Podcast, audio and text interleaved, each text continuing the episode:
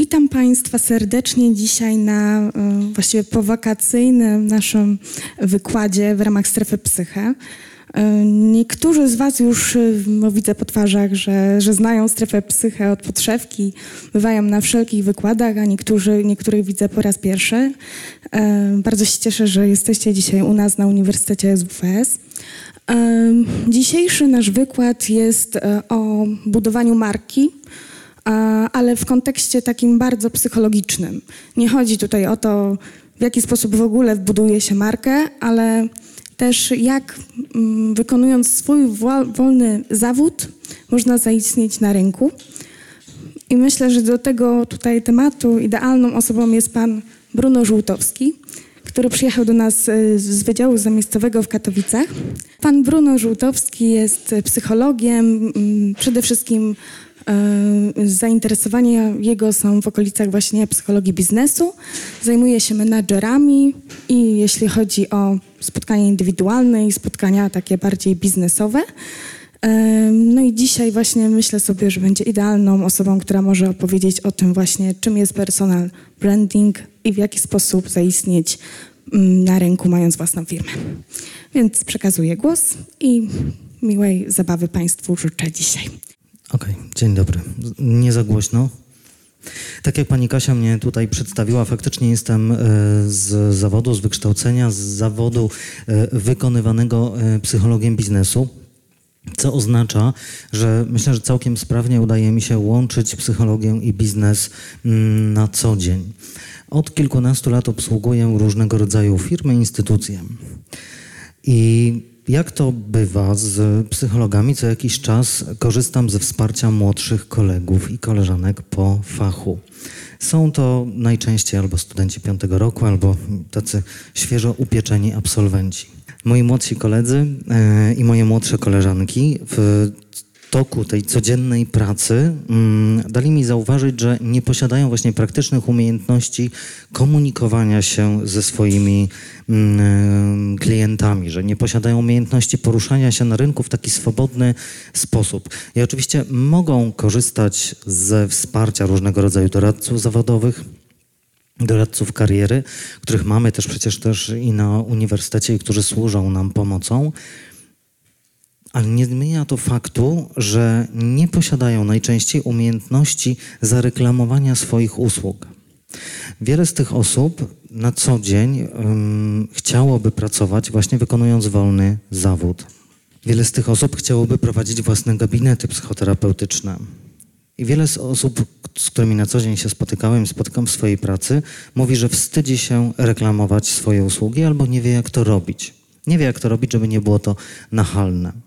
E, parę lat temu, nie pamiętam dokładnie kiedy, kiedy to było, ale myślę, że co najmniej pięć lat e, w Katowicach, właśnie na Wydziale SWPS-u, Wydziale Zamiejscowym, e, zaczęliśmy prowadzić, znaczy, no, zacząłem, miałem przyjemność rozpocząć właśnie cykl takich zajęć, które odbywają się co semestr dla studentów mm, studiów dziennych, które nazywają się personal branding, czyli jak budować własną markę wykonując wolny zawód. Dzisiaj na podstawie mm, całego e, planu tych zajęć postaram się Państwu w ciągu pół godziny zaprezentować te najważniejsze elementy, które mam nadzieję będą dla Państwa e, inspiracją, będą też przydatne e, w tym, jak na co dzień poruszać się na rynku pracy.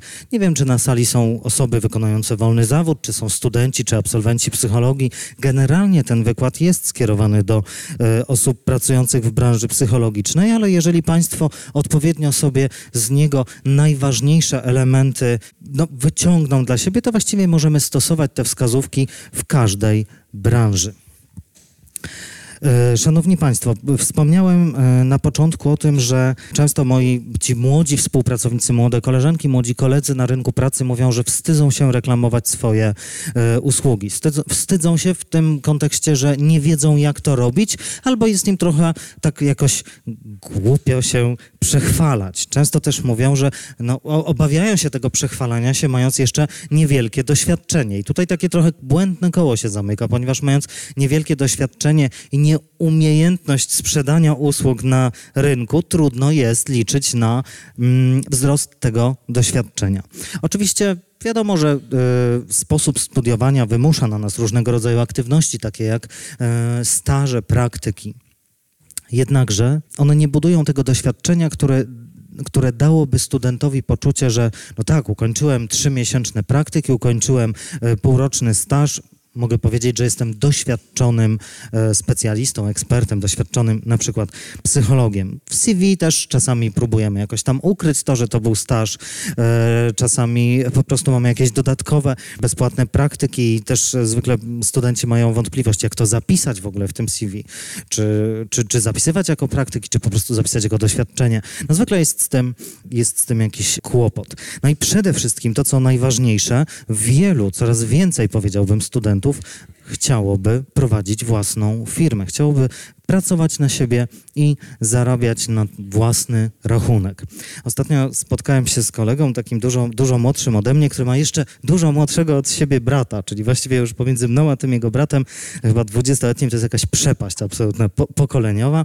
I on mówi tak, słuchaj, pamiętasz jak e, zakładaliśmy działalność gospodarczą, to e, bardzo się tego obawialiśmy, no ale jakoś tak byliśmy odważni wśród...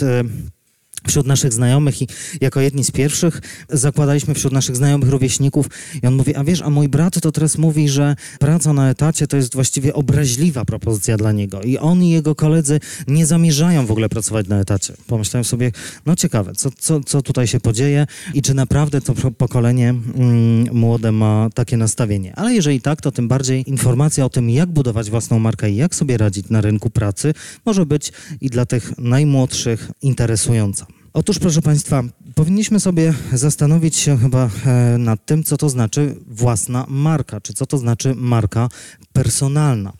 Gdybym pewnie Państwa zapytał, co, co, co znaczy marka, podejrzewam, bo tak zwykle, kiedy pytam e, studentów czy uczestników szkoleń, jak rozumieją markę, to pojawiają się różne odpowiedzi, typu, że jest to jakiś znak, na przykład e, jakiejś firmy, że marka to może być pewna opinia na temat firmy czy produktu, że marka kojarzy się z logo, czyli z czymś de facto, co jest rozpoznawalnym elementem związanym na przykład z daną firmą, jakąś instytucją, podmiotem czy produktem, bądź nawet usługami realizowanymi przez tę, tę firmę. Od jakiegoś czasu interesują nas mm, marki personalne, czyli mówi się, że człowiek to marka, nazwisko to marka. Mówię od jakiegoś czasu, ponieważ no przecież od lat, od czasów starożytnych byli e, znani ludzie, jeszcze wtedy nie używało się określenia ani VIP, ani celebryta, e, ani marka personalna, ale przecież one funkcjonowały. Funkcjonowały sobie marki personalne, ludzie znani w swoich mm, środowiskach, lokalnie, regionalnie, ludzie znani w swoich branżach. Dzisiaj, kiedy mówimy o marce personalnej, to mówimy też o pewnym wizerunku czy opinii, która idzie, wędruje sobie równolegle czy za danym człowiekiem, ale rozumiana jako marka oznacza, że można ją też kreować. I od tego chciałbym zacząć ten dzisiejszy mm, wykład. Chciałbym zwrócić Państwa uwagę na to, że kiedy mówiliśmy o tym kiedyś, że ktoś wyrobił sobie nazwisko, że jest znany, że jest ekspertem w jakiejś dziedzinie, to po prostu zwracaliśmy uwagę na to, że dana osoba swoim dorobkiem, na przykład zawodowym, czy jakąś postawą wobec pracy, branży, kolegów, klientów, pacjentów, spowodowała, że jej, jego nazwisko stało się znane. Dzisiaj w dobie mediów elektronicznych, w dobie e, tego niemalże e, przełomu Web 2.0 i Web 3.0, czyli kiedy my jesteśmy nie tylko odbiorcami informacji z internetu, ale też bardzo e, aktywnie kreującymi to, co w internecie się dzieje, marka personalna może i już jest bardzo aktywnie tworzona. Ona nawet może, te marki personalne, które dzisiaj będę omawiał, które będę chciał Państwu zaprezentować, część z nich stworzyła się mimochodem, część z nich będzie wynikiem długoletniego doświadczenia i ciężkiej pracy osób, które taką markę reprezentują, a niektóre z nich są efektem przede wszystkim bardzo dobrego marketingu. Zajęcia z zakresu personal brandingu, które mam przyjemność właśnie na Uniwersytecie SWPS prowadzić, e, niemalże za każdym razem budzą bardzo duże kontrowersje wśród studentów. Tutaj widzę też na sali e, parę znajomych buzi, także myślę, że moi, moi studenci e, mogą to potwierdzić. Dlaczego? Ponieważ przez te wszystkie lata studiów, kiedy staramy się z murów tej uczelni wypuścić jak najlepiej przygotowanych absolwentów, przygotowanych do rzetelnej, porządnej pracy. Te osoby wiedzą o tym, że żeby godnie reprezentować zawód psychologa, trzeba robić po prostu na rynku dobrą robotę.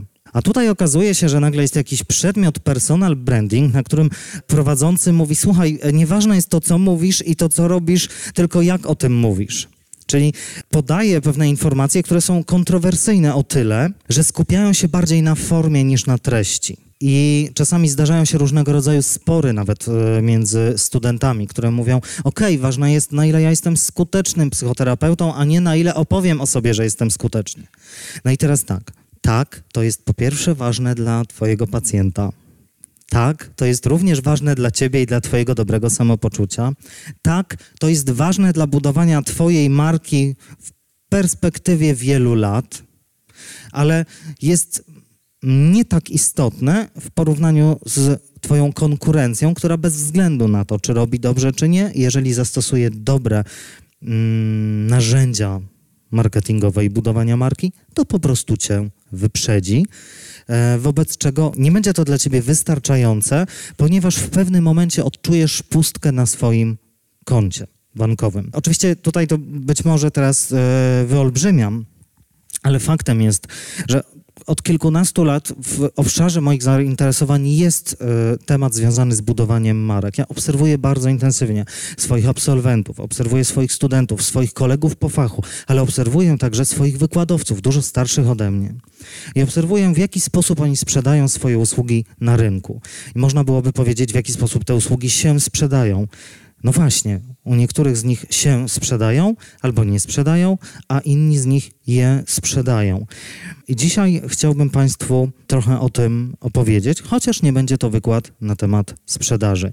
Troszeczkę temat sprzedaży dotkniemy, między innymi dlatego, że gdybyśmy zastanowili się, jaki jest cel tworzenia marki personalnej, no to właściwie jeżeli wykład ten nosi tytuł marka personalna i jak ją budować na wykonując wolny zawód, no to wykonujemy zwykle wolny zawód z różnych powodów, oczywiście tych ambicjonalnych, takich rozwojowych, e, intelektualnych dla satysfakcji, ale też generalnie ludzie pracują po to, żeby zarabiać i żeby mieć z czego żyć. Przynajmniej większość ludzi. I to jest jeden z powodów, dla których warto budować markę personalną, żeby mieć z czego żyć. A Drugi powód to oczywiście, jeżeli ktoś z Państwa miałby ochotę, można również dopieścić swoje ego. Tak, można sobie tutaj e, obserwować siebie w internecie na przykład, albo zbierać liczbę lajków e, na, mm, na Facebooku, więc jakby e, może to również nie, nie, niektórym pomóc, jeżeli mają taką potrzebę. Oczywiście tutaj już bardziej żartem. Proszę Państwa, na slajdzie pojawia się Margaret Thatcher, pewnie znana Państwu, niegdysiejsza premier Wielkiej Brytanii która e, powiedziała kiedyś podobno takie słowa. Być wpływowym to jak być damą. Jeśli musisz ludziom mówić, że nią jesteś, to znaczy, że nią nie jesteś. To będzie taki, e, taki cytat, który będzie myślą przewodnią dzisiejszego spotkania. Jeżeli chcesz zbudować tą markę personalną, to jeżeli będziesz mówić ludziom, jaki jesteś świetny jaka jesteś świetna, to ludzie będą myśleć, że nie jesteś. Także całe budowanie marki będzie polegało na tym, aby wykonywać działania, które spowodują, że to inni ludzie będą mówić, że jesteś świetny jesteś świetna, a nie ty sam. Chciałbym, aby Państwo w trakcie spotkania tutaj ze mną również przywoływali sobie w myślach różne swoje doświadczenia, kiedy Państwo oglądają profile w mediach społecznościowych, profile osób znanych, profile osób, które Państwa jakoś zaciekawiają, czy profile Państwa znajomych i aby Państwo przypominali sobie swoje odczucia, kiedy właśnie widzą Państwo kogoś, kto pisze, no tutaj w cudzysłowie, jaki jest e, e, świetny, czyli jak, jaką jest damą. Czy wtedy mm, Państwo, mówiąc brzydko, kupują to, czy raczej poddają wątpliwość? Otóż, Szanowni Państwo, jeżeli chcemy wykonywać zawód, który pozwoli nam w spokojny sposób funkcjonować na wolnym rynku. Ten spokojny sposób, ja osobiście, to jest moja oczywiście indywidualna definicja, wyobrażam sobie w ten sposób, że mam czas na to, żeby się uczyć, mam czas na życie y, prywatne, a oprócz tego mam pracę, dlatego że co jakiś czas dzwoni mój telefon i ktoś ma ochotę mnie zatrudnić. Tak sobie wyobrażam taki spokój u osoby, u specjalisty czy eksperta, który wykonuje wolny zawód. Czyli wtedy, kiedy nie musisz y, z niepokojem scrollować myszki i patrzeć w ekran e, swojego komputera i patrzeć w swój gdzieś tam wyciąg bankowy i widzieć, że jest coraz więcej kosztów, a coraz mniej przychodów. Ja tak sobie wyobrażam ten spokój. Oczywiście każdy z nas definiuje go inaczej. Żeby to zrobić, warto zaplanować sobie tą strukturę przychodów, warto zaplanować sobie w jaki sposób i do kogo chcielibyśmy trafić. Warto mieć kontrolę nad tym, co dzieje się w sieci na nasz temat. Warto wiedzieć, co byśmy chcieli, żeby ludzie, którzy polecają nas swoich, swoim znajomym czy swojej rodzinie, co oni mówią na nasz temat. My tym możemy w jakiś sposób kierować. Proszę Państwa, chciałbym Państwu zaprezentować taką uproszczoną wersję modelu biznesowego. Model biznesowy kojarzy nam się z pewnym pomysłem na firmę, z zaplanowaniem tworzenia firmy czy, czy, czy instytucji, jakiegoś sposobu zarabiania. To, co ja Państwu zaprezentuję, to będzie um, uproszczona wersja modelu biznesowego y, zaproponowanego w książce Model biznesowy Ty, prostej książce, którą polecam, według e, Aleksandra Osterwaldera, a my sobie go zobaczymy w takim uproszczeniu, mm, które na rzecz tych zajęć i tego wykładu zostało przeze mnie e, zrobione. Proszę Państwa, otóż, jeżeli chcemy uprawiać wolny zawód i tę markę budować, to pierwsza rzecz, nad którą warto, abyśmy się zastanowili, to to, kto będzie naszym klientem, do kogo będziemy kierować swoje usługi. Jak Państwo wpiszą sobie w wyszukiwarkę Google, dzisiaj wykład odbywa się w Poznaniu, to dla tych, którzy e, słuchają go przez internet. Jeżeli Państwo wpiszą sobie psycholog Poznań i przejdą Państwo pierwsze 15-20 stron y, psychologów, czy jakichś e, poradni, czy gabinetów prywatnych, to na wielu z tych stron zobaczą Państwo, że wielu psychologów robi bardzo różne rzeczy zajmuje się psychoterapią dzieci, osób dorosłych, małżeństw, pomaga w różnych problemach e, psychotycznych, rozwiązuje różne trudności w firmach, e, świadczy usługi doradztwa zawodowego, personalnego itd., itd., itd. Bardzo dużo rzeczy my możemy robić jako psycholodzy, na szczęście. To jest taki zawód, który pozwala nam dość elastycznie dopasowywać się do rynku pracy. Ale sam byłem kiedyś takim psychologiem, który robił wszystko dla wszystkich. Potem zrozumiałem, że to jest strasznie męczące. Ma to co najmniej kilka minusów. Z jednej strony, z różnych stron masz klientów, ale z drugiej strony, przez Twoich tych potencjalnych klientów jesteś postrzegany jak człowiek od wszystkiego. Jeżeli jednocześnie jestem w stanie doradzać e, w firmie, jak rozwiązywać konflikty, ale jeżeli e, pani mąż ma problemy alkoholowe, to również pomogę. Jeżeli pani czy pan ma problemy z orgazmem, to ja także jestem w stanie świadczyć usługę i tutaj wesprzeć Państwa, to czy w pewnym momencie nie mają Państwa poczucia, e, poczucia że ja jestem po prostu niewiarygodny, nie, niewystarczająco dobrze przygotowany do tego, aby robić te wszystkie rzeczy? Oczywiście tak. W, bardzo ważne jest to, abym y, miał kompetencje związane z y, uprawianiem zawodu psychologa w ogóle. Potrafił rozmawiać, potrafił słuchać, potrafił wykorzystywać wiedzę psychologiczną w praktyce, ale w pewnym momencie, kiedy trafi do mnie ten klient z naprawdę takim trudnym, zawiłym problemem, to będzie chciał, żebym ja był specjalistą czy ekspertem w tej dziedzinie. Żebym powiedział, ja miałem podobnych klientów 100, 200 Znam ten temat od podszewki. Byłem na 20 konferencjach poświęconych temu tematowi i przeczytałem wszystkie dostępne na naszym rynku książki na ten temat. Na bieżąco śledzę artykuły, bla, bla, bla. Po prostu ten klient chciałby to wiedzieć, bo będzie czuł się bezpieczniej. Mało tego, mamy obecnie taką erę ekspertów. Opieramy się na osobach, które znają się na tym, co robią. Kiedyś można było kupić meble w sklepie, albo można było sobie zamówić takiego pana, który zrobił szafę w sypialni na przykład, czy w garderobie, czy postawił tam jakąś e, e, szafę w, w przedpokoju, ewentualnie jeszcze mógł zrobić szafę do kuchni, prawda?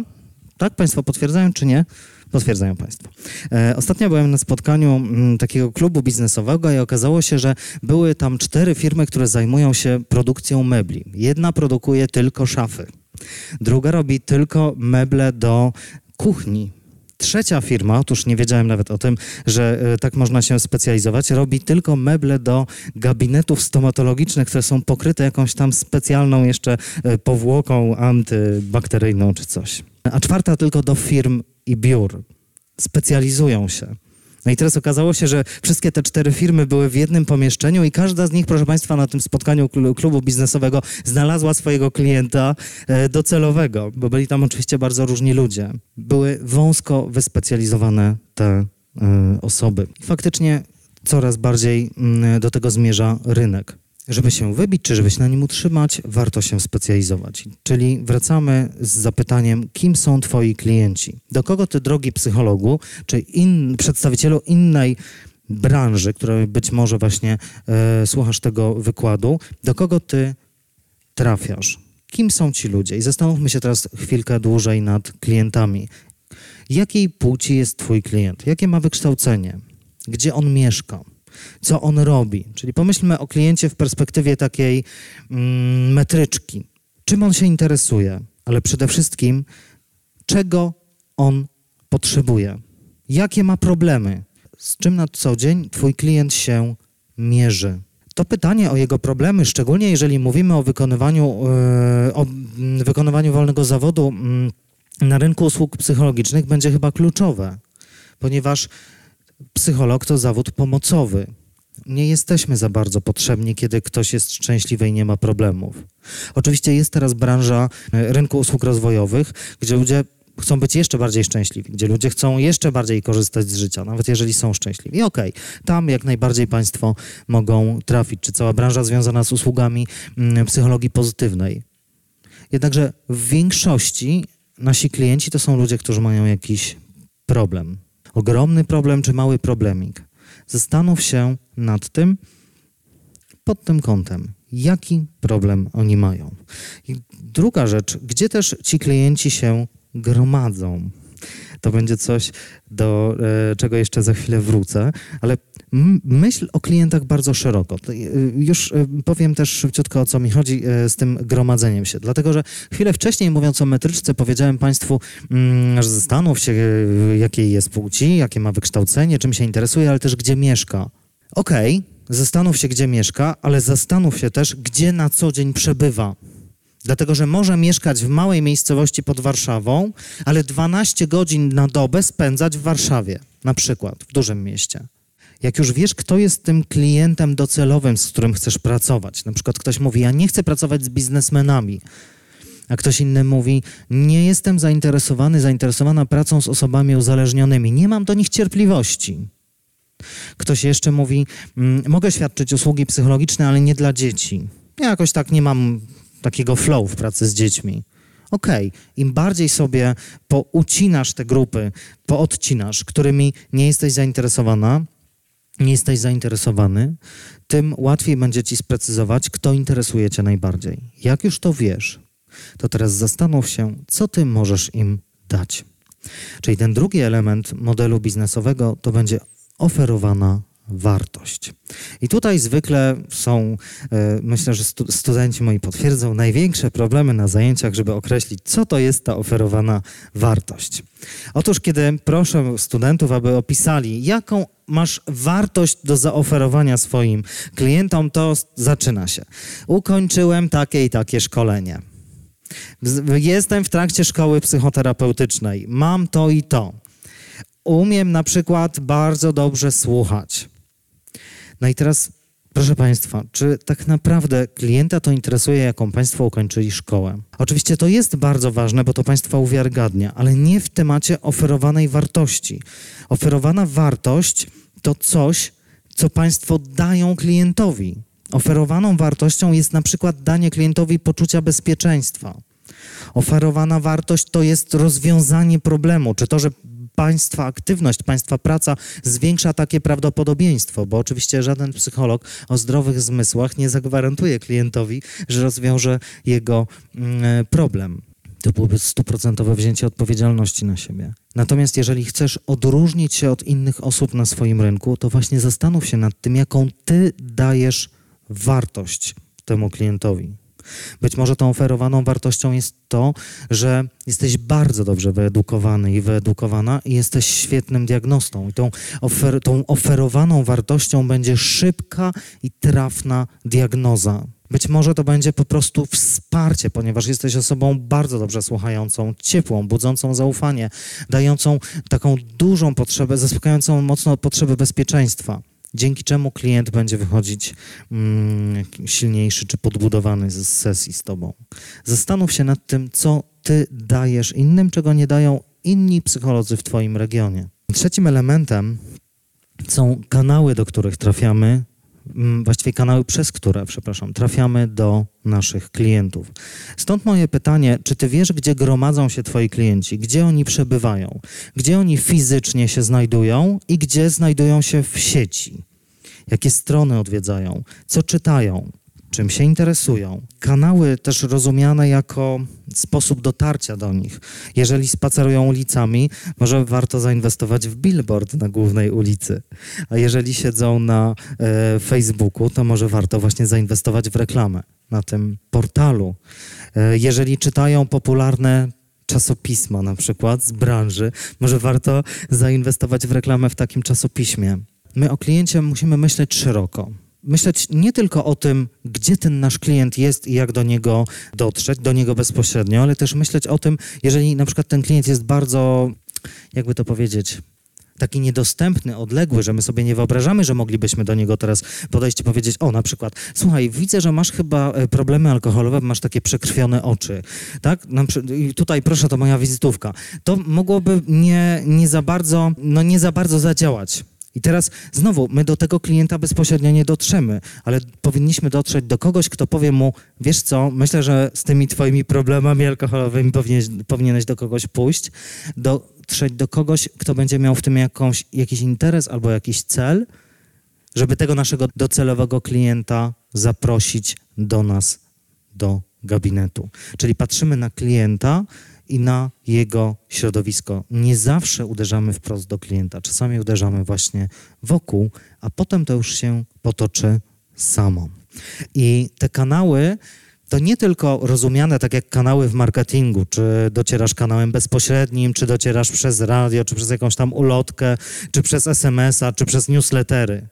Tylko właśnie kanały też rozumiane jako te takie interpersonalne obszary, przez które możesz do klienta dotrzeć. Na przykład marketingiem szeptanym przez sąsiada, szwagra. Kolejna rzecz, y, która składa się na nasz model biznesowy, to koszty i przychody. Ja poświęcę temu bardzo mało czasu. Nie będziemy tego teraz analizować. Chciałbym powiedzieć a propos kosztów i przychodów. Oczywiście one są u Osterwaldera rozbite jako dwie zupełnie obce kategorie. Ja je połączyłem w jedną, ponieważ dotyczą pieniędzy. I chciałbym powiedzieć tylko e, krótko. Proszę Państwa, usługi psychologiczne nie należą do najtańszych, nie są też jakieś strasznie drogie. Zwykle droższa jest e, wizyta u dobrego chirurga niż u psychologa. Jednakże od jakiegoś czasu coraz więcej osób ma poczucie, że może sobie na nie pozwolić. Pamiętam, jak byłem studentem psychologii, to ludzie mówili, że do psychologa chodzą albo naprawdę ludzie, którzy już nie mają innego wyjścia, albo tacy, którzy nie wiedzą, co robić z pieniędzmi. Obecnie jest tak, że to nie są właśnie jakieś bardzo drogie usługi. Kiedy mamy jakiś problem w rodzinie czy osobisty, możemy sobie zwykle na nie pozwolić. Szanowni Państwo, my możemy zdecydować, w odniesieniu oczywiście do tego, kto jest naszym klientem, jak drogie będą nasze usługi, czyli w, jakim, w jakiej kategorii cenowej one będą się plasowały. To ma duże znaczenie. Czy my jesteśmy tanim psychologiem, czy trenerem, szkoleniowcem, coachem, nieważ, nieważne, tu w obszarze psychologii. Czy my jesteśmy ze średniej półki, czy jesteśmy drogim, czy jesteśmy bardzo drogim, czy nas postrzegają jako prestiżowego psychologa, bo jest bardzo drogi, czy nas po, e, uważają za śmiesznego, bo jest droższy niż wart czy jest to już towar, może trudno powiedzieć o luksusowym. Jeszcze nie mamy takich usług e, na rynku e, psychologicznym, które można byłoby nazwać luksusowymi. Ale proszę pamiętać o tym, że ta cena usługi, którą Państwo oferują, również wpływa na to, w jaki sposób są Państwo postrzegani. I powiedziałem, że nie będę o tym mówił długo. Powiem o tym może takim jednym zdaniem. Ta cena usługi, którą zaplanujesz, powinna być spójna z innymi elementami Twojej marki i tego przekazu medialnego, który na swój temat e, pokazujesz. Jeżeli będziesz tutaj dla, może banalne to będzie, co teraz powiem, ale chciałbym, żeby Państwo dobrze zrozumieli, co mam na myśli. Proszę sobie wyobrazić, na przykład tutaj na swoim przykładzie podam, że Państwo wchodzą na moją stronę internetową, a tutaj ja oparty o swoje Lamborghini Na przykład. No i pisze, nie mam niestety Lamborghini, ale mogą sobie Państwo wyobrazić, że Opieram się o Lamborghini, piszę o tym, że jestem psychologiem biznesu, że jeżeli chcesz być bardzo bogaty i zarabiać dużo pieniędzy, to zapraszam cię do siebie. No i potem Państwo wchodzą na zakładkę cennik i na przykład widzą Państwo, że y, mogą Państwo skorzystać z usługi, załóżmy za 70 zł na godzinę u mnie. I teraz pytanie, czy dla Państwa ja z Lamborghini i ja 70 zł brutto za godzinę za usługę jestem wiarygodny i spójny? No właśnie. Państwo sobie mogą pomyśleć, o co chodzi? Albo facet z jakiejś Lamborghini na ulicy mijał i zrobił sobie zdjęcie, albo po prostu coś nie gra. To jest dziwne. To nam się nie układa w głowie. I z punktu widzenia budowania marki, proszę powodować tak, aby wasi klienci nie musieli się zastanawiać nad takimi niuansami, wchodząc na wasz profil na Facebooku, na waszą stronę internetową, czytając waszą ofertę. Po prostu bądźcie spójni, komunikujcie się z klientami w taki sposób, żeby byli w stanie od razu na pierwszy rzut oka stwierdzić, czy, oni, czy ich stać na Waszą usługę, czy nie. Kolejny element modelu biznesowego, który wpływa na tworzenie marki personalnej, to są zasoby. To jest bardzo istotne dla młodych psychologów, studentów i absolwentów. Proszę Państwa, część z Państwa ma bogatych rodziców, a jeszcze niektórzy mają, nie wiem, dostali duży spadek a jeszcze inni z Państwa, oprócz tego, że studiują psychologię, to na przykład mają jakiś inny bardzo dochodowy zawód i nie muszą się Państwo martwić pieniędzmi. W takiej sytuacji nie trzeba się bardzo zastanawiać nad zasobami, które się posiada, zakładając własny gabinet. Ale nie wszyscy mogą sobie pozwolić na, takie, e, na taki komfort i na taką przyjemność. Część z Państwa nie ma bogatych rodziców Niektórzy z Państwa w ogóle nie mają rodziców. Inni z Państwa nigdy nie pracowali, nie mają Państwo żadnych stałych dochodów. No i teraz o jakich zasobach my mówimy, skoro mamy pusto w kieszeniach, pusto na koncie? Żadnych pleców, żadnych znajomości. Nikt nas nie może zarekomendować za jakiegoś klienta grubej ryby. Co w tej sytuacji? Szanowni Państwo, mm, to było dla mnie odkrycie, kiedy pracowałem na zastępstwo na, na jednym z uniwersytetów jako doradca zawodowy. E, zwykle miałem doświadczenie w kontakcie z psychologami, studentami psychologii, ale kiedy zacząłem pracować jako doradca zawodowy, to zaczęli do mnie trafiać bardzo różni ludzie. Geodeci, chemicy, nauczyciele. I okazało się, że ci ludzie wieku lat 23-24 w większości uważali, że nie posiadają żadnych zasobów. Jeżeli właśnie byli tymi, którzy mówili, ja nie mam bogatych rodziców, albo moi rodzice nie mają znajomości, żeby mi gdzieś tam załatwić pracę i tak dalej, i tak to twierdzili, ja nie mam niczego. Zasoby w modelu biznesowym ty są rozumiane bardzo szeroko. Zasoby to to, co ty masz w sobie, to wszystkie twoje kompetencje. Twoja wiedza, Twoje umiejętności, a teraz uwaga, nawet Twoja postawa, Twoja postawa wobec pracy, Twoja postawa wobec innych ludzi. Słuchaj, też Twoja postawa wobec siebie samego. Czy ty siebie lubisz? Czy ty siebie szanujesz? Czy ty siebie doceniasz? Czy ty umiesz przyjmować komplementy? Twoja postawa wobec rozwoju, twoja postawa wobec gotowości do tego, żeby, e, żeby się postarać, żeby się czasami trochę nagiąć, żeby się trochę wysilić to jest Twój zasób. Twoje zasoby intelektualne, Twoja osobowość, Twoje umiejętności komunikacyjne, negocjacyjne. To, czy Ty umiesz słuchać, Twój zasób to jest Twoja buzia, to, czy ona budzi zaufanie, czy Ty jesteś sympatyczny, sympatyczna. Także wszystko to, co jest związane z Tobą, z Twoją fizycznością, z Twoim intelektem, z Twoją osobowością. Ale nie tylko. To jest tylko jeden z elementów zasobów. Kolejna rzecz to to, e, kto ciebie otacza. Twoje zasoby to twoi znajomi, to twoja rodzina. Twoje zasoby to są twoje kontakty na Facebooku. Nie wiem, jak często z tego korzystasz, ale pomyśl o tym, e, ile razy ci się zdarzyło o coś zapytać znajomych i w ciągu paru, parunastu sekund, minut pojawiła się ważna odpowiedź. To są zasoby. Nie zapomnę, kiedy pisałem o drugiej w nocy opis pewnego wykładu, który miał się pojawić w internecie. Bardzo mi zależało na tym, żeby ten opis był tak napisany, żeby trafiał do konkretnej grupy odbiorców, kiedy ktoś będzie wpisywał w Google pewne hasło. Proszę Państwa, byłem zmęczony, była druga, miałem wszystkiego dosyć, byłem bardzo niezadowolony. Jakoś mi nie szło, ale na rano był ten deadline, ten termin wysłania maila. I pamiętam, że wrzuciłem na Facebooka taką prośbę, czy w ogóle, czy ktoś nie śpi i potrzebuje coś skonsultować. Yy, I że dotyczy to tematów językowych. I odezwała się moja koleżanka, z którą widziałem się, nie wiem, z pięć lat temu ostatni raz. A koleżanka jest doktorem filologii polskiej. Wiecie, jaki mi fajny te temat i tytuł wymyśliła? Mówi, ja nie śpię, o co chodzi? Ja mówię, kurczę, spadłaś mi z nieba. To jest zasób. Mamy ich mnóstwo, tylko ich nie dostrzegamy. A kiedy zaczynamy budować swoją markę, kiedy dopiero zaczynamy, wchodzimy na rynek pracy, kiedy dopiero tworzymy własną działalność, gabinet, to trzeba się rozejrzeć na lewo, na prawo, przed siebie, za siebie i zobaczyć, kto wokół nas jest i jak może nam pomóc. Chciałbym też, żeby Państwo dobrze mnie zrozumieli. Ja nie mam na myśli wykorzystywania znajomych, tego notorycznego. Ty jesteś informatykiem, to mi tutaj postaw stronę internetową. Ty jesteś prawnikiem, to napisz mi umowy, a ty zrób mi coś tam, a ty zrób mi coś tam. E, nie mam na myśli takiego cwaniactwa. Jeżeli Państwo jeżeli Państwo nie będą nadmiernie wykorzystywać swoich znajomych, ale też korzystać z ich wiedzy, doświadczenia, umiejętności, to oni staną się takim wręcz niewyczerpywalnym zasobem. Oczywiście też zasoby działają lepiej, te zasoby interpersonalne. Po pierwsze, kiedy istnieje jakaś nic sympatii, a po drugie wtedy, kiedy Państwo są też otwarci na dawanie, a nie tylko na branie. Proszę o tym, o tym pamiętać. Zasoby to miejsce, w którym mieszkasz. Zobacz to. Czasem, zawsze mi się przypomina taka opowieść, niestety nie, nie mogę zlokalizować, skąd ją mam w głowie, o tym jak e, kiedyś jakiś producent e, butów, to jest chyba anegdota, myślę, że ona jest nieprawdziwa, ale jest fajnym przykładem na to, e, co chcę powiedzieć. Wysłał swoich dwóch pracowników do Afryki, żeby zobaczyli, czy tam warto sprzedawać buty. No i dostał depeszę po paru tygodniach od obu.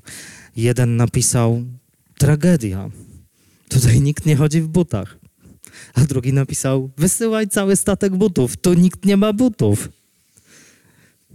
I teraz to trochę tak jest. Czasami ktoś mi mówi: Bruno, ale jak ja mam sobie poradzić? Przecież mieszkam w małej miejscowości. Tam jest jeden psycholog, dobrze znany. Wszyscy chodzą do niego. Ja mówię, to jest zasób, to jest wspaniała informacja, że wszyscy chodzą do niego. Cudowna, wspaniała informacja. Może mają go powyżej już uszu, tak? No tak, państwo się śmieją, ale dokładnie ostatnio miałem taką sytuację, że trafiliśmy do firmy, w której okazało się, że cała firma jest szkolona przez jakąś tam inną firmę od lat. No i zaprosił nas jeden z menedżerów tej, e, tej firmy i mówi, czy możemy złożyć ofertę. Ja tak mówię, ale właściwie po co nas zaprosiliście? W pierwszej chwili to myślałem, że to jest taka ściema, że oni potrzebują jakiejś kontroferty po prostu. Ja mówię, po co nas zaprosiliście? A on mówi, ja mam dosyć wysyłania moich pracowników na coaching e, do tej samej osoby, która coachowała wszystkich naszych pracowników i szefów. Bo ta osoba już wszystko po prostu o wszystkich wie. Potrzebujemy kogoś nowego. I znowu można by powiedzieć, przecież nie wyślę oferty do tej firmy, bo tam już jest inny psycholog, trener, coach. Nieprawda. I tak samo jest z zasobami. Nawet jeżeli wydaje mi się, że mam mało, wystarczy odwrócić myślenie, żeby zobaczyć. Ja nie mówię, że to zawsze działa, ale żeby zobaczyć, czy tego mojego mało, o czymkolwiek nie mówimy, nie można obrócić na korzyść. Zasoby to też uczelnia i chciałbym Państwu o tym, o tym powiedzieć to trochę będzie wyglądało, jakbym lobbował na rzecz uniwersytetu, ale tak sobie myślę o mojej rodzimej uczelni, którą ukończyłem i która po prostu w momencie, w którym ukończyłem uczelnię i odebrałem dyplom, to pożegnaliśmy się, która w żaden sposób nie utrzymywała ze mną, e, ze mną relacji. Natomiast teraz, kiedy patrzę na uczelnię, na swój ten mm, wydział, e, z którym współpracuję na Śląsku, to to widzę, co się dzieje. Ci studenci, z którymi ja pracowałem dwa, trzy lata temu, oni cały czas są. Oni już są psychologami, ale oni ciągle są, prowadzą jakieś warsztaty dla nauczycieli, jakieś warsztaty dla dzieci, jakieś prelekcje filmowe. Oni ciągle są, ale dzięki temu, że jest ta uczelnia, że ta uczelnia się bardzo dobrze promuje w internecie, świetnie się pozycjonuje na YouTubie, na Facebooku. Jeżeli coś robisz dla niej, to, no to twoje nazwisko się wyżej y, pozycjonuje, pojawia, pojawia się w głowach też potencjalnych klientów. Ty dajesz coś jej, ona daje coś tobie. To jest taka transakcja wiązana. To jest zasób. No i tutaj chyba najtrudniejsza y, część modelu biznesowego, czyli działania. Jakie działania ja podejmę, żeby budować własną markę? Proszę Państwa, pamiętam, to był rok 2003. Moja koleżanka y, po ukończeniu studiów psychologicznych, wszyscy wtedy marzyliśmy, żeby mieć własny gabinet. E, tak nam się wydawało, że wszyscy będziemy pracować w psychologii klinicznej.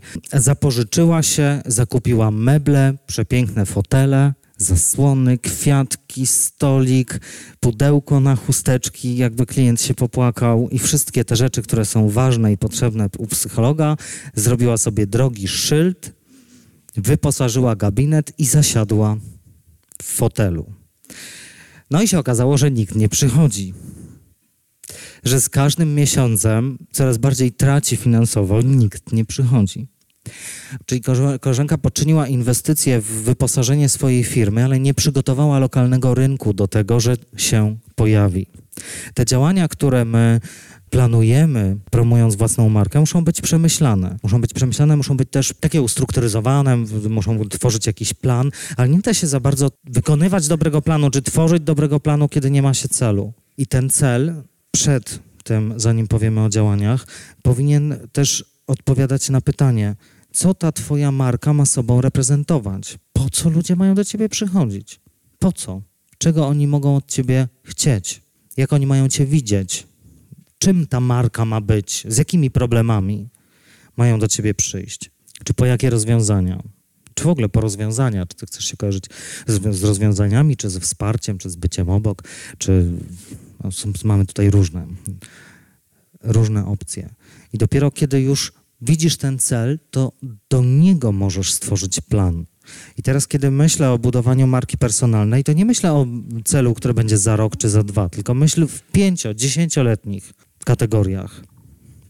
Bo to będzie wymagało czasu. Chyba, że masz naprawdę kupę pieniędzy na marketing, to się da zrobić szybciej. Jakie podejmiesz działania w obszarze kiedy założysz na przykład tą własną działalność, albo kiedy założysz własną stronę internetową, albo kiedy spiszesz ofertę, kiedy napiszesz, co umiesz robić, kiedy w końcu pójdziesz do fotografa i zrobisz sobie dobre zdjęcie profesjonalne do CV i na stronę internetową. Czy będziesz dalej wysyłać to zdjęcie w CV, gdzie za lewym uchem wystaje ci jakaś ramka z obrazka, a po prawej stronie widać kawałek kotary i kwiatka w salonie. Tutaj akurat, proszę Państwa, naprawdę wiele takich zdjęć w CV widziałem i wiele takich zdjęć e, psychologów, którzy chcą prowadzić warsztaty, takich właśnie zdjęć dostaję. E, ktoś mi na przykład wysyła takie zdjęcie i chce prowadzić zajęcia z autoprezentacji. No, naprawdę. Naprawdę. To są drobiazgi. Widzą Państwo, ja teraz znowu wchodzę w ten obszar takiego, takiego płytkiego, prostego. Tutaj psychologia, takie wzniosłe jakieś ideały, a ja mówię o zdjęciu. Ale to jest istotne. Do jednego z moich studentów pamiętam, że nie miałem już cierpliwości, bo przez pół roku go przekonywałem, żeby sobie w końcu kupił taką marynarkę, w której się dopina. Ja naprawdę wiem, jaki to jest problem, bo sam co jakiś czas wymieniam marynarki zawsze na większe. Ale to ma znaczenie, jak wyglądasz. Czy wyglądasz, jakbyś od młodszego brata wziął to yy, i takie kuse wdzianko. Czyli jakie podejmiesz działania w obszarze przygotowania tej strony, czy fanpage'a. Nie jest sztuką założyć fanpage'a, nie jest sztuką założyć stronę internetową z, mod z modułem aktualności i nic tam nie pisać.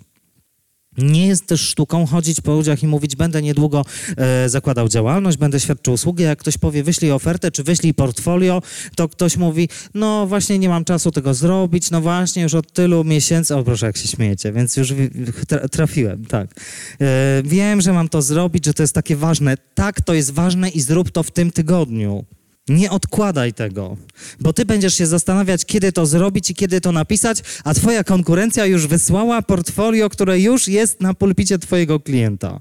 Także zabierz się do roboty, zamiast się zastanawiać nad tym, że może e, zrobiłbym to, ale poczekam, aż będzie, e, aż będę mieć właśnie lepsze zdjęcie, albo ktoś inny, a poczekam, aż schudnę, a poczekam, aż sobie zrobię coś tam, to wtedy będę mieć lepsze. Zrób to teraz, nie ma na co czekać. Potem sobie zrobisz drugie, będzie jeszcze lepsze. Jakie działania podejmujemy w obszarze marketingowym? Czy mamy na to pomysł, czy mamy na to plan? Jakie działania podejmujemy też w obszarze ruszenia naszego ciała z domu i sprzed komputera? Szczególnie do, do Was, absolwenci. Mamy teraz wrzesień. Ilu tutaj jest na sali tych, którzy w czerwcu odebrali dyplom? Obronili się. Mówią, a no zacznę, no to zacznę szukać pracy od września. No ale we wrześniu, no wysyłam te CV na tym popularnym portalu, klikam tam, wyślij, nikt się nie odzywa. To siedzę. Czekam. No nie mogę założyć przecież swojego gabinetu, otworzyć, no bo nikt mnie nie zna, to nikt do mnie nie przyjdzie. No racja, no to przynajmniej nie wyposażaj go w te sofy i ten. Rusz się. Rusz się, idź na konferencję, idź do biura karier, spy, spytaj ich, czy nie mają jakichś fajnych projektów. Idź na dodatkowe projekty, jest tego tyle dofinansowanego z Unii. Idź poznawaj ludzi, mów o tym, halo, tu jestem, skończyłem studia, jestem z wykształcenia, na przykład psychologiem, umiem to i to, chcę robić to i to. A może, a nuż kogoś takiego szukacie? Nikt do ciebie do domu nie przyjdzie, żeby ci przynieść pracę ani klienta. Zaplanuj sobie te działania. Wejdź sobie na jedną z popularnych aplikacji. Jeśli jej nie znasz, to zobacz, ile jest w internecie aplikacji do ściągnięcia na telefon, które pozwalają wyszukać w Twojej okolicy różnego rodzaju wydarzenia. Pokategoryzowane, no nie będę mówił nazw, bo ten wykład przecież nie może być tutaj promocją różnych e, marek, ale jest dużo takich aplikacji, gdzie możesz znaleźć wydarzenia rozwojowe, wydarzenia kulturalne. Jest mnóstwo wydarzeń za free. Proszę Państwa, ja nie mogę się doczekać, kiedy już nie będę musiał pracować. Będę ciągle chodził na te wszystkie wydarzenia. Jest ich tyle. Są dostępne. Tak jak to dzisiejsze. No tutaj Państwu akurat się e, e, chwała należy, że Państwo wyszli. Wy, wyszli z domu i e, korzystają z różnych dóbr. Także wychodź, działaj, rozmawiaj z ludźmi, podsłuchuj, co robią i łącz te elementy w swojej głowie. Inspiruj się. Ja zawsze mówię swoim studentom, zgapiaj dobre pomysły. Zgapiaj. Dlatego powinnaś i powinieneś chodzić na różne właśnie wydarzenia, konferencje, wykłady, warsztaty. Nie chodź na same wydarzenia dla psychologów. To są nudy na pudy. Nawet jeżeli bardzo cię rozwijają zawodowo, intelektualnie, to pamiętaj, że najwięcej dowiesz się o rynku pracy od ludzi z innych branży. Rozmawiaj ze znajomymi, którzy mają inne wykształcenie. Poznawaj jak najwięcej, patrz jak najszerzej. Dbaj o to, żeby ta twoja wiedza była interdyscyplinarna bo wtedy będziesz bardziej konkurencyjny, ale też będziesz w stanie dostrzegać różne niuanse na rynku, dzięki którym będziesz łatwiej tworzyć usługę odpowiadającą na zmieniające się warunki na rynku. Proszę Państwa, kolejny element modelu biznesowego to partnerzy. I tutaj partnerzy moglibyśmy powiedzieć, są jak zasoby, bo partnerem może być oczywiście, no nie wiem, załóżmy, że jestem psychoterapeutą, e, terapeutyzuję dzieci, a moim partnerem biznesowym może być logopeda.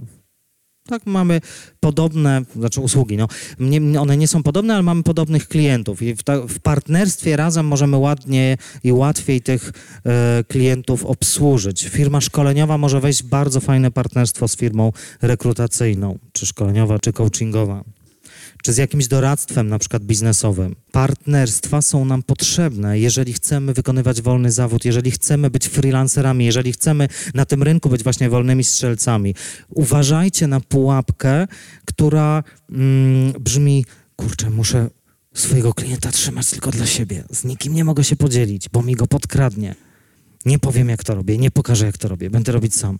Uważajcie, dlatego że wychodzi bardzo dużo firm y, na polski rynek, firm zachodnich, z większym niż państwo, y, niż my, kapitałem. Żebyśmy sobie na tym rynku dobrze radzili, jako małe firmy, jako jednoosobowe działalności, dobrze jest mieć za sobą zaplecze w postaci innych specjalistów, którzy funkcjonują na rynku i odpowiadają na potrzeby tego samego klienta. Dobierzcie sobie porządnego psychiatrę do zespołu. Nie chodzi mi o to, że macie wynająć gabinet i go zatrudnić, ale pytajcie znajomych, pytajcie na rynku, na pewno też wiecie, kto jest dobrym psychiatrą. Umówcie się, pogadajcie. Oczywiście nie chodzi mi o to, że macie się umówić na wizytę, chociaż jeżeli nie będzie miał czasu, to może i to jest sposób. Psychiatra, terapeuta, przepraszam, psychiatra, mm, logopeda, ale także fizjoterapeuta. Pomyślcie o tym, w jaki sposób fizjoterapeuta dla psychologa może być fajnym partnerem biznesowym. Z iloma klientami czy pacjentami, którzy są po traumie, pracuje fizjoterapeuta. Ale także z iloma ludźmi, którzy mają problemy na przykład z napięciem mięśniowym, ze stresu, pracuje fizjoterapeuta. Pomyśl o tym, jeżeli wejdziesz w partnerstwo biznesowe i będziesz swoich pacjentów wysyłać do tego fizjoterapeuty, jaką masz możliwość otrzymywania od niego czy od niej rekomendacji. Tutaj może Państwa, no nie wiem, rozbawię albo, albo zdziwię, ale y, fryzjer czy kosmetyczka jest również całkiem dobrym partnerem biznesowym. Przynajmniej jeżeli chodzi o źródło poleceń. Zwykle u, y, u fryzjera ludzie opowiadają o różnych swoich życiowych problemach i sprawach. Czasami fryzjer może powiedzieć, no pani Kowalska, Na to to ja myślę, że już tylko psycholog pomoże. Ale mamy tutaj takiego i taką psycholog. Dam pani wizytówkę. Nie no, partnerów, biznesowych rozumiemy też oczywiście jako, jako nie tyle źródła rekomendacji, co jako inne placówki, innych specjalistów, innych ekspertów, czy nawet innych psychologów, którzy razem z nami są w stanie obsłużyć tego klienta. Jeżeli Państwo będą trafiali nie do klienta indywidualnego, tylko do klienta biznesowego, to partnerstwa biznesowe będą jeszcze bardziej istotne. Proszę Państwa, nigdy nie udałoby mi się rozwinąć firmy, gdyby nie to, że z zaufaniem poszedłem do moich koleżanek, to akurat były same, same kobiety wtedy, teraz mam więcej y, panów psychologów y, na rynku, z zaufaniem poszedłem do nich i powiedziałem: Słuchajcie, mamy takie, takie, takie możliwości, ale ja sam tego nie jestem w stanie zrobić. Potrzebuję Was, potrzebuję ludzi, którzy mogą być przeze mnie postrzegani albo jako konkurencja, albo jako potencjał do współpracy. No i oczywiście tak, no proszę Państwa, do kogo się zgłosiłem? Do ludzi, których znam, do ludzi, z którymi studiowałem, do ludzi, którym ufam, do ludzi, których lubię. Czemu teraz o tym mówię? Nie, żeby opowiadać o sobie. Mówię do studentów psychologii. Wy utrzymujcie relacje ze swoimi kolegami i koleżankami na rynku po zakończeniu studiów. Bądźcie w kontakcie. Rozmawiajcie sobie o tym, co można by fajnego zrobić, bo to właśnie z takich spotkań i rozmów później tworzą się fajne pomysły. Proszę Państwa, relacje. I tutaj robimy duży taki zakręt w stronę marki. E, to jest pytanie, w jaki sposób ty utrzymujesz relacje ze swoimi klientami, obecnymi, byłymi czy przyszłymi. Żeby Państwo też dobrze mnie rozumieli, ja mam na myśli relacje biznesowe, a nie innego rodzaju relacje. Wiem o tym, że w psychoterapii jest tak, że Państwo w bardzo małym stopniu mogą te relacje utrzymywać przynajmniej w części szkół, ponieważ no, jakiś tam musi być ten dystans zachowany pomiędzy terapeutą a pacjentem, ale no w biznesie jest tak, że zresztą Państwo też tego doświadczają.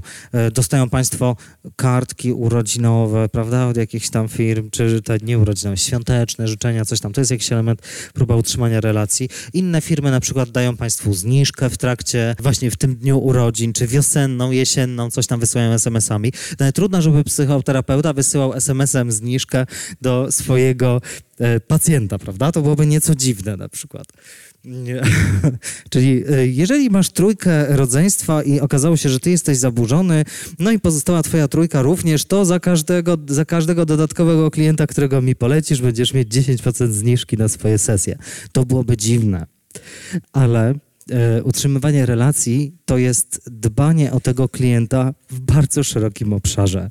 To jest to, czy ten klient może u państwa usiąść sobie w poczekalni, czy musi stać to jest to, czy Państwo zrobią 15 minut przerwy pomiędzy kolejnymi sesjami, żeby klienci nie musieli w nerwowy sposób mijać się na poczekalni i oglądać siebie nawzajem, czy nie. To jest to, czy Państwo odbierają na nieodebrane połączenia telefoniczne, czy nie. To jest to, czy Państwo temu klientowi zrobią herbatę albo dadzą wodę, czy nie. Ale także zupełnie inne rzeczy. Czy Państwo dbają o relacje z klientem tym po, któremu nie bezpośrednio jemu wysyłają Państwo informacje, co słychać u Was i w Waszym gabinecie, ale na przykład publikują to Państwo gdzieś, chociażby na jakimś fanpage'u. To też jest utrzymywanie relacji, chociaż takich bardzo e, z dystansem. Czy Państwo komunikują, co się u Was dzieje, co nowego można u Was kupić, do, kto mógłby to u Was kupić? Tak też rozumiemy relacje, ale też jako dbałość. Szanowni Państwo, i tu też do psychologów, którzy już uprawiają ten zawód, kiedy do Państwa ktoś dzwoni, ludzie, którzy dzwonią, e, dzwonią do mnie, mówią mi czasami, że wie Pan co, bo jak ja rozmawiałem już z kilkoma osobami, to nikt nie poświęcił mi czasu. Czyli kiedy już odbierasz telefon, to albo jak nie masz czasu, to go nie odbieraj, oddzwoń później, ale jeżeli już odebrałaś i odebrałeś, dzwoń do ciebie jakiś ten klient, potencjalny pacjent, który cię o coś e, pyta, to poświęć mu te pięć minut. Naprawdę nic się złego nie stanie. Powiedz, jak wygląda wizyta.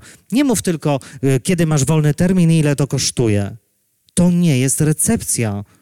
Jeżeli dzwoni do ciebie, to potraktuj go z uważnością, z zainteresowaniem. Nie chodzi mi o to, że masz udzielać darmowych porad przez telefon.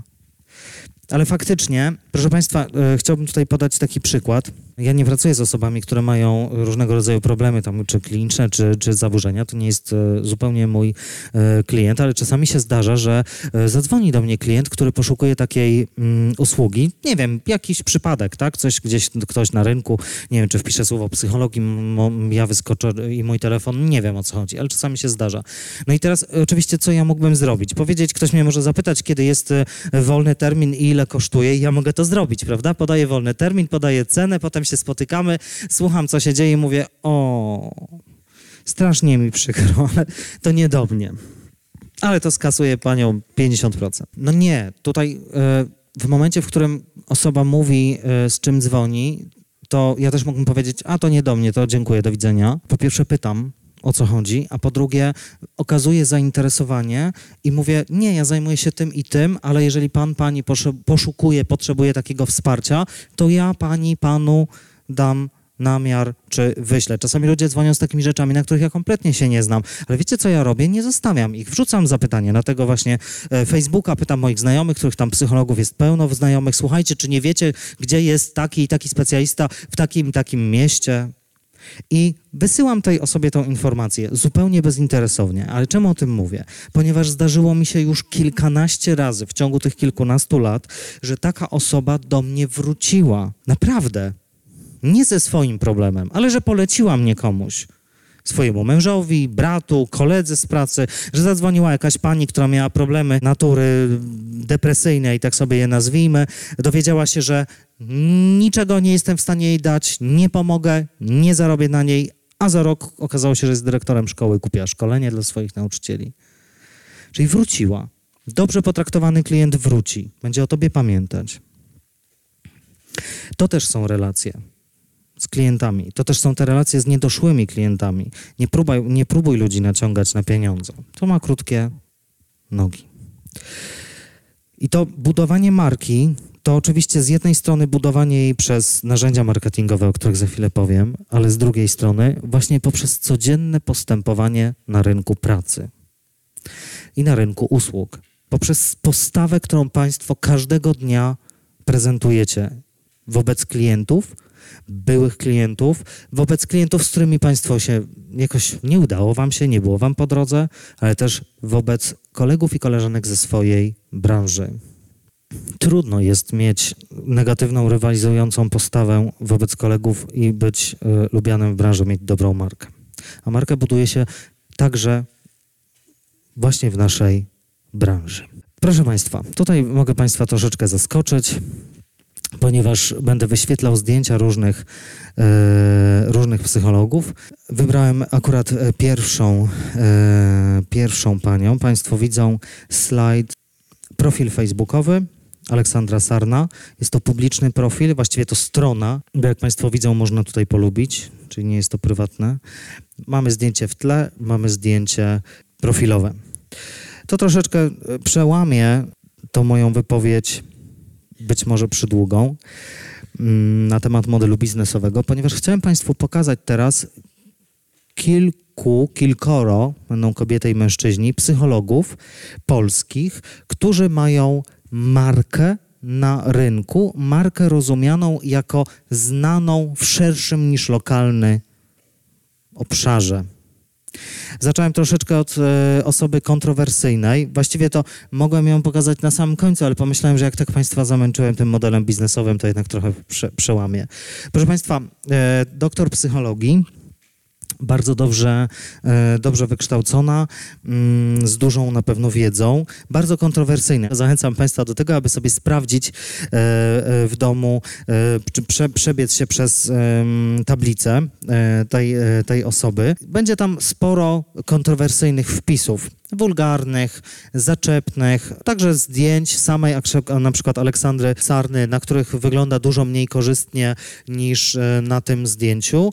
Zdjęć e, z czasów, kiedy była dużo bardziej obszerna, czy jakby miała dużą nadwagę. Zdjęć z czasów, być może Państwo też ją korzysta, ko ko kojarzą z TVN-u, z rozmów w toku. Była taką naprawdę całkiem sporą, e, sporą kobietą, z czego mocno się naśmiewa sama z siebie właśnie na tym swoim oficjalnym profilu facebookowym. Facebookowym. No czasami trudno się nie uśmiechnąć, czasami trudno się nie oburzyć widząc te posty, ale ja też używam tego, e, tego profilu Aleksandry Sarny do tego, żeby pokazać studentom i dzisiaj też Państwu, jak bardzo nawet kontrowersyjnymi narzędziami można zbudować sobie wierną grupę odbiorców.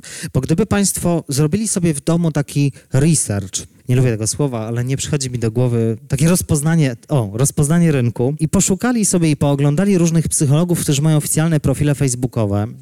I porównali sobie ich e, liczbę na przykład lajków, po, polubień pod zdjęciami czy komentarzy z aktywnością właśnie grupy społecznej, którą zrzesza wokół siebie Aleksandra Sarna, to okazałoby się, że nawet ci najbardziej popularni wypadają blado. I przykład Aleksandry Sarny pokazuje, że markę personalną można budować w różny sposób. Ona na swoim profilu facebookowym atakuje mężczyzn. No, tam dużo, sporo nam się obrywa. I chciałbym Państwa zapytać, jak Państwo sądzą, do kogo w takim razie, do jakiego klienta może kierować swoją usługę, atakując mężczyzn? Na przykład do feministek, do kogo jeszcze? Państwo powiedzieli nieszczęśliwe kobiety, samotne matki, rozwódki i nie słyszałem, co Pan może też na przykład do mniejszości seksualnych. E, tak, generalnie do osób, które na przykład są bardzo wkurzone. Do osób, które mają w sobie dużo złości. Kiedy oglądają te wszystkie treści, które trochę je rozbawią, e, trochę gdzieś tam są jakby, no, nie wiem jak to powiedzieć, taką pożywką na te ich emocje, które obecnie przeżywają, to nagle okazuje się, że kurczę, ta psycholog bardzo dobrze mnie rozumie, rozumie mój problem. I pomimo, że treści są kontrowersyjne, pomimo, że treści całkowicie zaprzeczają wszystkiego, wszystkiemu, czego uczymy się na uczelni, jako studenci psychologii, o tej pozycji zero, o tym, żeby nie być takim jakimś bardzo, nie wiem, nachalnym, żeby się tak bardzo nie wyróżniać, że tu ważniejszy jest pacjent niż ty, o swoim życiu prywatnym, o swoich partnerach seksualnych, okazuje się, że również ta właśnie odwrotna postawa może spowodować dobrze sprzedającą się markę. Chciałbym, żeby Państwo mnie dobrze zrozumieli. Ja ani nie ganię, ani nie chwalę. W ogóle nie jestem tutaj dzisiaj od tego, żeby to oceniać. Chciałbym Państwu tylko pokazać pewne mechanizmy. Różnorodne. No i zaczęliśmy właśnie od tego. W sercu mieć dobro, a w głowie trochę dzikiego porno. Jako hasło na dzień dobry. A kto to? Zawadzka, tak, tak, tak, Dorota Zawadzka, superniania, no właśnie czekałem na to słowo. Najczęściej, kiedy pytam o nazwisko, to pada hasło superniania. I to superniania pokazuje, jak bardzo dobrze można się wypozycjonować pod konkretnym hasłem, konkretnym skojarzeniem. Kupilibyście szkolenie biznesowe? Nie. A jakby wasi znajomi mieli problem z dzieckiem, polecilibyście? Niektórzy mówią nie, niektórzy kiwają głowami tak. Czyli kojarzy się gdzieś z tą, z tą nianią. Oczywiście część z Państwa może kwestionować też jej tam, nie wiem, czy, czy, czy umiejętności, czy sposoby pomagania e, rodzicom i dziecku, ale kojarzy się z jednym targetem. To jest kobieta od problemów z dzieciakami. Dobrze pozycjonowana marka. Właśnie chciałem tutaj Państwa ostrzec, przestrzec, zachęcić do tego, aby Państwo dzisiaj użyli funkcji na Facebooku wyświetl swój profil jako, aby Państwo zobaczyli, jak Państwa widać i co o Państwie możemy sobie przeczytać i zobaczyć o każdym z Państwa e, w mediach społecznościowych. Chciałbym zachęcić Państwa do pewnego nowego zwyczaju. Jeżeli chcecie budować swoją markę i kontrolować ją, to wpisujcie raz w miesiącu swoje imię i nazwisko w wyszukiwarkę internetową i sprawdzajcie, co tam w internetach o Was słychać. Róbcie to też e, nie tylko na swoich komputerach. No bo oczywiście Google zapamiętuje ustawienia i tam różne ciasteczka pracują na tę rzecz. Co jakiś czas, jak Państwo mają dostęp do jakiegoś innego komputera, proszę proszę sprawdzić. Naprawdę czasami różne kwiatki e, wyskakują. Warto też kliknąć na grafikę i zobaczyć, czy nie ma na przykład zdjęcia z jakiejś szalonej imprezy studenckiej, które zamieścili Państwa znajomi, na którym Państwo nie najlepiej się prezentują co mogłoby wpłynąć na postrzeganie państwa osoby przez potencjalnego klienta, pacjenta, tudzież zleceniodawcę. Oczywiście idąc tym bardziej trybem akademickim niż e, odwołując się do doświadczeń na przykład e, Aleksandry Sarny, którą pokazałem na początku, ja raczej zachęcałbym Państwa do tego, aby Państwo dbali o swoją prywatność, Szczególnie ci z Państwa, którzy będą pracować z osobami chorymi, z osobami zaburzonymi. Naprawdę, uwierzcie mi, warto zadbać o tą prywatność już teraz. Mam też doświadczenia, właściwie no, doświadczenia moich studentów, studentek szczególnie, e, psychologii, e, kiedy co jakiś czas mi się pojawia ktoś typu NPLD na Facebooku i pisze, cześć, mam Cię w znajomych, ale kim właściwie jesteś? I to okazuje się, że to moja studentka psychologii, która miała profil ustawiony jako publiczny, a na tym profilu no, różne prywatne treści, natychmiast musi teraz się gdzieś tam ukrywać, bo pacjenci nadużyli jej prywatności, przekroczyli granice, no i to było dla niej e, kłopotliwe, a to naprawdę nie jeden przykład. Także zachęcam Państwa do tego, aby zanim Państwo zaczną wypływać na szerokie wody i będzie można Państwa e, przeczytać w prasie i usłyszeć w telewizji, aby Państwo po prostu zadbali o swój wizerunek w sieci, bo to istotne i też zabezpieczę Państwa dobro. I zobaczmy sobie, dla każdego na tym rynku znajdzie się miejsce. Mamy tutaj dwóch innych, właściwie psychologa i niepsychologa, doktora Tomasza Witkowskiego, również psychologa z Wrocławia, e, który jest takim chyba psychologiem najczęściej hej, hejtującym psychologów. Czasami mówisz tam, psychoterapia nie działa, prowokuje. No generalnie nie jest najbardziej lubianym psychologiem w e, środowisku. Jest na pewno bardzo kontrowersyjny. I Rafał Żak, ci dwaj panowie na jednym slajdzie z tego powodu, że oni pokazują taki rynek mm, psychologów bardzo racjonalnych, nawet powiedziałbym sceptycznych, mocno opierających się na idei prezentowania w psychologii tylko tych rzeczy potwierdzonych naukowo. Do, Witkowski bardzo mocno walczy, czy wręcz zwalcza wszelką pop-psychologię. Czemu o tym mówię? To są panowie, którzy naprawdę dobrze radzą sobie na rynku usług psychologicznych. Myślę, że nie narzekają na brak pracy, dlatego że bez względu na to, czy będziesz uprawiać pop-psychologię, czy będziesz uprawiać psychologię taką bardzo restrykcyjną, naukowo osadzoną, to znajdziesz swoich klientów. Ale jeżeli będziesz robić psychologię każdą, to będziesz robić psychologię nijaką wyspecjalizuj się, znajdź sobie swoją niszę, znajdź sobie swój rynek. I tutaj kobieta, Kamila Rowińska, przez inny model biznesowy. Chciałbym też pokazać panią Kamilę Rowińską z jednego powodu. Na SWPS-ie jest bardzo dużo, dzisiaj cały czas mi coś się wkręciło słowo, bardzo dużo. No ale tak jest, że akurat wielu studentów SWPS-u to ludzie dojrzali, ludzie, którzy już mają e, co najmniej jeden, mm, jedne ukończone studia. Są ludzie, którzy mają e, doświadczenie zawodowe, życiowe. To są ludzie po 40, po 50, po 60. I Kamila Rowińska jest y, przykładem tego, że można w dojrzałym wieku ukończyć psychologię, że można mieć już doświadczenie biznesowe i dopiero potem zacząć ten zawód uprawiać w sposób, no jak to powiedzieć, no z sukcesem. Buduje swoją markę, trafia, jak Państwo widzą, głównie do klientów, y, głównie do kobiet, chociaż nie tylko. Proszę Państwa, za chwilkę będą mm, odbędą się warsztaty i na tych warsztatach ja będę mówił już szczegółowo o y, kilku kwestiach, między innymi o networkingu. Chciałbym Państwu zaprezentować takich kilka e, wskazówek. Oczywiście na warsztaty y, bardzo serdecznie y, zapraszam. Kilka wskazówek dotyczących budowania własnej marki. Fajna wskazówka z książki Personal Branding 2.0, którą polecam. Dokładnie o tym tytule Personal Branding 2.0. Taka, y, taka wskazówka, zarezerwuj domenę, czyli adres internetowy y, ze swoim nazwiskiem. A jeżeli nazywasz się Jan Nowak, jesteś psychologiem, to zarezerwuj Jan Nowak Psycholog albo coś innego ze słowem kluczowym, co będzie kojarzyło się z tobą, czy Jan Kowalski albo Ewa Kowalska. Nieważne, czy masz nazwisko charakterystyczne, czy masz nazwisko zupełnie niecharakterystyczne, e, nie ma to znaczenia. Zarezerwuj domenę i nawet jeżeli jeszcze nie masz strony, jeszcze nie masz bloga, już jej, e, już miej ją dla siebie, bo tak będziecie najłatwiej zlokalizować. Także z błędnym nazwiskiem, o co chodzi? Jeżeli ja nazywam się Żółtowski, a najczęściej ludzie mówią o mnie Żółtkowski albo Żółkiewski albo jakieś tam jeszcze inne, to żeby dobrze przekierować na Żółtowski, to właściwie Bruno Żółkiewski też powinienem mieć taką domenę zarezerwowaną. Ja mam na szczęście to imię, które łatwo pozwala mnie zlokalizować. E, także nie muszę tego, e, tego robić. Jeżeli chcesz budować markę, to stawaj się ekspertem.